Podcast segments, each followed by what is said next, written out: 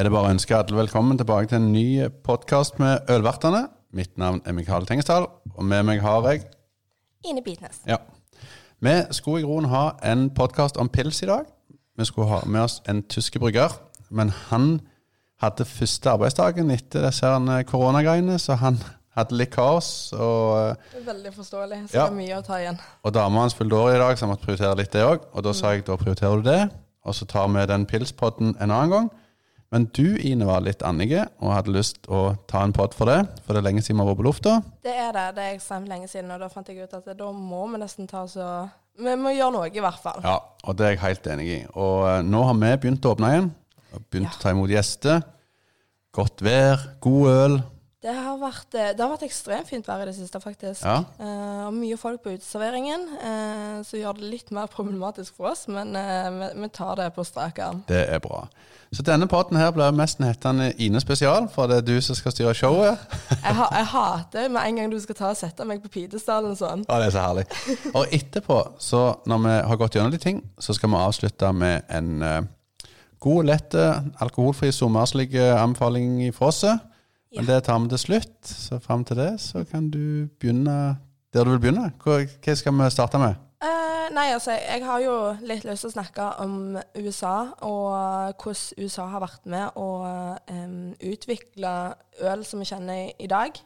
Um, ja, jeg, jeg vet ikke hvor jeg skal begynne. Nei, du må bare Skal vi starte på tidlig 1900-tallet? Hvis vi starter rundt 1920? 1900. 1920? Ja, det, Da tenker du på forbudstida? Da tenker jeg forbudstida. Ja. For det, det var jo sånn at eh, USA kom jo med en eh, bill, holdt på å si. Ja, en Eh, lov. En lov, Ja. ja. Eh, om at det ikke var lovt å eh, brygge alkohol. Eh, som gjorde at det ble jo mangel overalt. Em, men selvfølgelig så hadde du jo de her eh, mafiagjengene. Al Capone-gjengen. Yes. Eh, Som eh, drev og smugla og lagde litt forskjellig. Um, og for å hindre at folk eh, fant ut av dette, så gikk det jo faktisk så langt som at de drepte hverandre. Det er alkohol og bråk og penger og alt sånt. Men jeg mener jeg har lært og lest litt i min tid at de bryggeriene som overlevde forbudstida, var stort sett de tyske bryggeriene. De lagde lav prosent under forbudstida. Ja, de lagde et øl som de kalte for Near Beer. Ja. Uh, og det var fordi at det var så likt øl som de kunne få det, egentlig.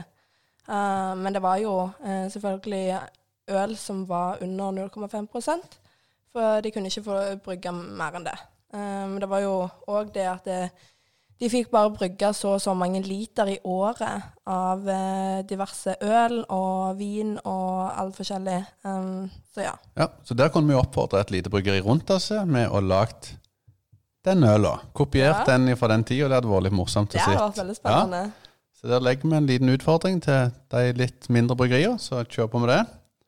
Så jeg vil jo mest sagt vi har hatt litt forbudstid i Norge òg nå for tida med koronagreiene. Selv om det er tilgang til alkohol på polet og alt sånt som du har sagt. Ja. Men, men eh, Det har jo ikke vært lov til å gå ut på bar, nesten. nei, og det var vondt for oss. Men tilbake til USA.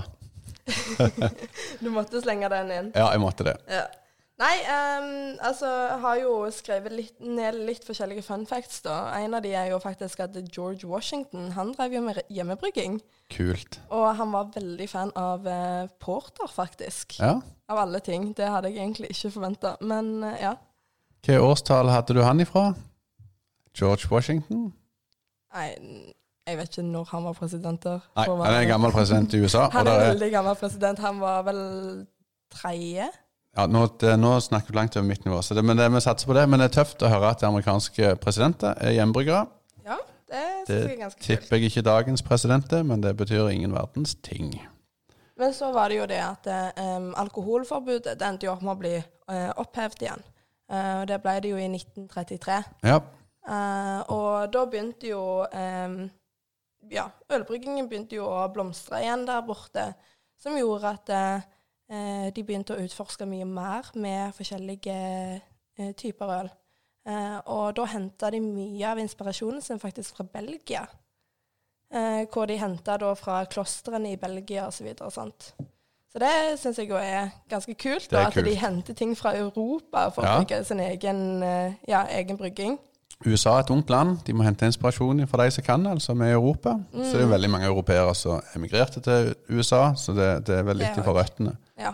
Så det er positivt. ja eh, og et jeg, Hvis jeg ikke husker helt feil, så var et av de første ølene de begynte å brygge borte i USA, det var jo faktisk hveteølen. Ja. Eh, så ja. Og hveteølen den selger hakka møkk ennå, det. Så det, det Det i. Det gjør den. Den er faktisk fantastisk å drikke i sola. Ja, og det er anbefaling nummer én i denne tidene. Ja, hveteøl. Det er bra. Um, men uh, en av de andre tingene var jo at når de tok oss og starta opp i uh, 1933, så var det jo mye høye skatter eh, og eh, forskjellig sånn som gjorde at eh, mange av de små bryggeriene eh, som hadde livnært seg tidligere på det her Nair Beer, de endte jo opp med å forsvinne og ble kjøpt opp av større bryggerier. Ja.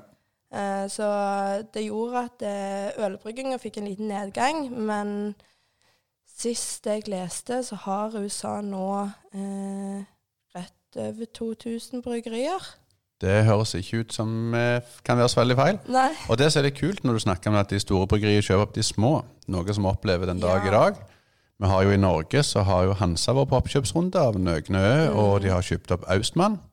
Og nå har Austmann Jeg skal ikke si revet seg løst, for det er ikke det det handler om, men de har kommet seg vekk fra Hansa igjen og blitt selvstendige. Det tror jeg bare er eikt av trøndere. Så det var litt sånn norsk eh, nymoderne fun fact ut Ja.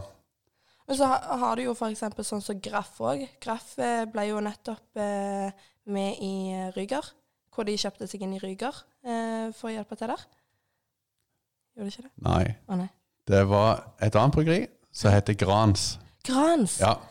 Graff er litt lenger opp igjennom. Der har vi øl på melkebanen fra. Så der, Nå sporer vi litt av. Vi havner tilbake til USA igjen. Ja. Beklager, folkens, at det blir litt rot. Vi er litt sånn i lykkerus for at vi får lage podkast igjen. Så beklager at vi spurte litt av og bomma litt akkurat det. Men eh, ja, nei ehm, Så har jeg jo lyst til å snakke litt angående Steam Bear, som er en egen ølstil som faktisk ble lagd i USA. Ja, Det er jo ganske kult, da. eh, for det er det, det er nesten litt som cream ale, men ikke helt det samme. Eh, for det er vel det at det, det er bare et bryggeri i USA som heter Anchor eh, Brewery, som er de eneste som får lov til å kalle ølet sitt for Steam Bear. Eh, og så da har du de som skal etterligne, de må kalle ølene sine for cream ales. Ja, eller Common Ales er det vel òg noe Ja, men ja. det- de har litt forskjellige Ja. ord der. Um, men eh, det er jo et bryggeri som ble danna i 1896. Uh, og så varte det vel fram til 1965, hvor de måtte legge ned en periode, før de da ble kjøpt opp igjen. ja. Så det er fortsatt i salg, men jeg vet ikke om de importerer til Norge lenger. De gjorde det tidligere. Vi hadde Anchor Steambeer på Melkbaren noen år, men, men vi hadde lite salg Jeg, av jeg får fortsatt folk som kommer og spør, inn, spør om det. Fantastisk. Men, men salget var dessverre ikke helt sånn som vi håpte. Jeg likte både flaskene og manka og alt det der, så det var litt kult. Mm. Og så En annen liten fun fact er jo faktisk det at eh, Sierra Nevada eh, var jo faktisk det første bryggeriet eh, som tok i eh, bruk aluminiumsboksen. Og det er jo en ting som blir brukt veldig mye nå til dags.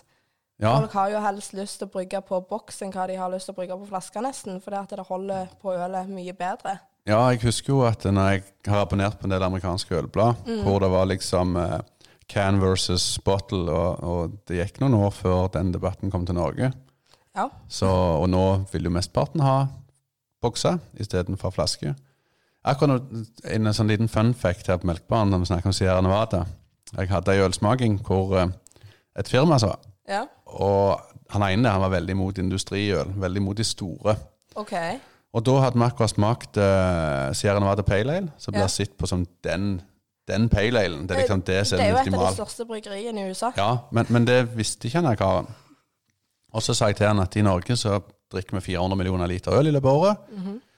Og eh, ja, han var- syntes det var forkastelig at eh, Ringnes og Hansa hadde den store mengden. Så sa jeg OK, greit, det sier jeg ikke på jakt etter deg, men nå har vi hatt Sierra Nevada. Hva tror du om den? Hvor mange liter tror du de brygger? Nei, det var ikke så store. Så sa jeg nei, tipp da. Nei, han tippte kanskje de om, eller brygde en million. Kanskje fem millioner på en god dag, eller godt år. Så sa jeg de bruker 792 millioner liter, og det var en stund de brukte det som liksom rangstien om hvor craft beer-grensene var. Ja. Og da sa ikke han så veldig mye etterpå. Så det er ganske morsomt hvordan folk tror og er opptatt av de store, istedenfor å tenke på det er kvaliteten på produktet for meg som er det viktigste. Det er helt sant. Altså, har du ikke kvaliteten, så da funker det jo ikke. Stemmer det. Og Sierra Nevada Pale Ale, anbefaling nummer to. Passer veldig godt Ja. i sommer. Det er en nydelig Pale Ale. Vi har ikke hatt de inne på en stund nå. Det skal ikke jeg eh, påstå så mye om. Det må, hvis Jørn Ida hører på, så må han sende meg mail og si jeg må bestille mer Sierra Nevada. Jeg er litt usikker. Men eh, det var jo Altså, når vi er inne på Sierra Nevada Sierra Nevada var jo faktisk et av de bryggeriene i USA som eh, hjalp til med å eh, booste det her humleeventyret eh, som har vært i USA. Og det som En annen ting er jo at eh, New England IPA stammer jo fra New England i USA. Eh, som er ganske kult, da, egentlig. Eh, og det viser jo hvor villige de er til å gå til det ekstreme for å finne nye smaker og sånn. Den Neipa-døden eh, har vel jeg snakket så mye om at jeg tror ikke jeg skal si noe. Jeg drikker mye Neipa. Jeg syns det er helt nydelig ølstil. Ja. Så, men jeg savner alltid å gå tilbake til en god gammelmanns-IPA, som jeg kaller det nå. Som har blitt så tøft å si. Så det er mye godt øl der ute, og det, og det må vi vel hylle USA for, syns jeg. Med å, sånn som USA gjør med alt. De tar tak i det. De boler det, for å si det på en enkel måte, til det ble mye verre og mye kulere enn det det var. Og, det tror jeg vi skal være litt glade for. Iallfall jeg er det, personlig. Men så kan vi ta opp det her med at um, forskjellen på hva som er craft-bryggeri, mikrobryggeri og brewpub. Fordi at det har jo med hvor mange liter de eh, lager, hvor mye de selger innenfor hus, hvor mye de selger utenfor hus. Um, og da var det jo at eh, for å være et kraftbryggeri, så må du ha 704 millioner liter som må bli solgt utenfor hus. Uh, og 25 av um, aksjene i bryggeriet kan ikke være eid av et bryggeri som faller utenfor den def definisjonen. Så det vil si at uh, ta Budweiser, da. Inbev. Mm. Hvis de eier 25 av Sierra Nevada, så får ikke Sierra Nevada være et craft brewery. Er det sånn forstått? Stemmer det. Ja, kult. Eh, ganske, ganske interessant, faktisk. Eh, og så En annen ting er jo faktisk med kraftbryggeri at det må være eh, At 50% av ølet må bli brygga med byggmalt. Det, er- det er ganske strenge regler, Ja, egentlig. det, det er kult. Det, det er kjekt med litt sånn fun fact. Det er bra. Ja. Og så har du jo at eh, mikrobryggerier eh, de kan ikke ha en årlig produksjon på over 1,75 millioner liter. Ok, og da går de opp til craft brewery? Da går de opp til craft brewery. Ja. Eh, og eh, 75% eller mer av ølet må selges utenfor bryggeriet. Mm. Og så har du brupuber som må selge mer enn 25% av sine egne øl i egne lokaler. ja. Så hvis de selger mer enn 25% av sitt eget øl, så er de et bryggeri. Fram til det så er de brewpub. Ja, nei, eh, nå tror jeg kanskje du mistet Altså, Nå mista jeg det. ja, Greit. eh, det sier at brewpuber de må selge mer enn 25% av det egne ølet. Det ølet de brygger, må de selge på sine egne plasser. Ja. Hvis de selger mindre enn 25% så kan de ikke kalle seg for en brewpub. Hører nå, dårlig formulert var det jeg tenkte, så det er bra. Så, ja. så det vil si at Briggs brygghus er en bryggeripub så lenge de selger 25 til eget øl. Under det så blir det et håndverksbryggeri. ja. Ja. Egentlig. Veldig bra. Det er ganske kult. Ja. Så ja. Nei. Um, Så det var litt sånn din reise i USA, dette her. ja, Ja. egentlig. Det jeg, Ja, jeg syns egentlig at USA er veldig interessant. Jeg syns at det, um, det de holder på med der borte med øl og sånt, er veldig kult. Uh, og nå begynner det jo å komme flere og flere surølsbryggerier. Uh, jeg er jo veldig glad i surøl. Uh, og et par av de er jo sånn som for eksempel Jester King. De syns jeg er veldig flinke. Og så har du òg Spectation Artisanal Ales. Hvis jeg sier det helt Ja, det ordet der kan jeg være si- sikker at sånn Ja. bryggeriuttalelse. Ja, det er bra. Eh, og så har du jo um, Cascade, men jeg er litt usikker på om det er rett ved grensa mellom Canada og USA. Ja, jeg tror mener det skal være i USA. Cascade er Ja. jo veldig anerkjente. Eh, De er ekstremt flinke. Jeg hadde likt hvis de hadde slutta mye mer med de 0,75-flaskene og vært litt edruelige på mindre størrelser, så iallfall vi får tak i her i Norge. Ja. Så men Cascade er kjempebra. Eh, Det er en importør i Norge som tar det inn, og det, det, det er knallgod øl. Men dyr øl, men god øl. Det er det, men det kommer jo helt an på hva årgang og sånt. da. Du, Selvfølgelig. du finner jo de som er litt billigere, eh, men ja. Du finner helt klart de som ligger over 600 kroner òg. Ja, men det som jeg sier, kvalitet før kvantitet, så bruk heller litt penger på en god øl. Det er jeg faktisk veldig for. Jeg ja. har eh, mange ganger gått på barer og kjøpt ei øl til 400 kroner, fordi at jeg vet at det er et øl som er ekstremt godt. Mm. Og det er sånn, jeg ser at de har det, så er det sånn Fuck it. Jeg tar heller bare og kjøper den, og så lar jeg heller være å kjøpe et par andre øl. Stemmer det. Og det mener jeg òg hvis du har med deg en kompis ut. Du går f.eks. på en uh, Kardinal i Stavanger, Ja. og så har de uh, Cantillon. Cantillon koster 600 kroner. Få-. Ja, få fem-seks vinglass, og del den flaska, så får dere en opplevelse. Og så kan neste person kjøpe en annen 075-flaske, så deler dere, så får dere nydelige opplevelser. For du trenger ikke drikke så mye alene, men du får smakt mye godt øl. Absolutt. Så det anbefaler vi høyt. Ja.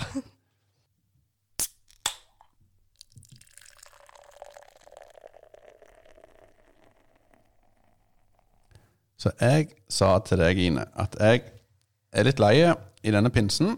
Så har jeg fått veldig mye snapper av kompiser som sitter stort sett i Lyngdal eller lignende og åpner ei pils og sier den der berømte skålgreiene. Så kjenner jeg at jeg er litt Jeg, jeg skal ikke disse pilsen helt. Det skal jeg ikke gjøre. For jeg syns òg det er godt med god pils av og til. Men jeg hadde likt veldig godt hvis mine kompiser og andre der ute heller får litt smak i det de holder på med. ja.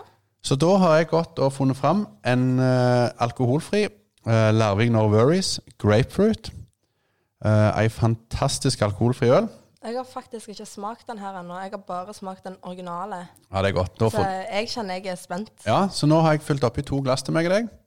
Så kan du si hva du syns. Den lukter jo helt fantastisk. Den lukter akkurat um, han, den, lukter egentlig sånn som den her eh, Lucky Jacken, uh, grapefruit edition deres. Ja, jeg, når jeg med Melkebaren lagde ei grapefruit eh, i lag med Håndbryggeriet. Ja. Og når jeg lukter oppi denne, så kjenner jeg den der nydelige aromaen og den grapefruiten kommer skikkelig fram. Så Tror du at de har brukt eh, grapefruit-puré? det tør jeg ikke helt si. Men jeg tenker på dere som sitter sitter Vi der. gjorde jo det. Ja, Ja. vi gjorde så. Vi smakte oss litt fram for å finne den blandinga vi ville ha. Mm. Men jeg, jeg er litt på jakt etter dere der ute som sitter og drikker pils for eksempel, og syns det er kjempegodt, og det er bra, det. Men for å få litt mer smak, og hvis dere ikke er på jakt etter rusen eller noe sånt, ta en alkoholfri Larvik, no worries. Den grapefruit, nå kan Ine smake den hvis jeg sitter og snakker litt, men jeg ser vel på dette som Norges beste alkoholfri øl. Jeg syns hun er kanongod uten å legge føringer for Ine, så hva er første tanken din Ine når du smaker? Første tanken min er at det er akkurat som jeg skulle sittet her og drukket ei øl. Ja, Ei vanlig øl, fordi at den har den fylden på seg eh, som det eh, du får i vanlig øl. Og det føler jeg at eh, mange av de alkoholfrie ølene mister. Eh, men den her så føler jeg ikke at den gjør det i det hele tatt. Nei, jeg og det er masse smak. Jeg syns òg kroppen er til stede. Du kjenner at han Ikke som du sier at han er veldig flat, som du føler i mange andre er. Men han fyller opp ganen, og ettersmaken henger bra lenge. Ja, Så, absolutt. ja, så jeg syns til dere der ute Skal dere på en restaurant eller skal dere på en pub, og dere vil ha en liten pause, men dere vil bare ha Dere vil ha noe i varmen, Mm. og kjøp alkoholfri øl. Kjøp lokalt. Ja. Kjøp Larvik-si. Og dette er alkoholfritt, så vi har lov å reklamere for det. Den her er helt super, faktisk. Så med det så avslutter vi en uh, herlig pod med en liten runde rundt litt i USA. Uh, vi har fått tilbakemelding på en som vil vi skal teste en annen øl. Det får vi se om vi gjør neste gang. Jeg fant den ikke i butikken i dag. Får vi se. Ja, Men jeg anbefaler alle ta med dere ei god alkoholfri eh, lokal øl, og så snakkes vi etter hvert. Ha det godt. Ha det, ha det.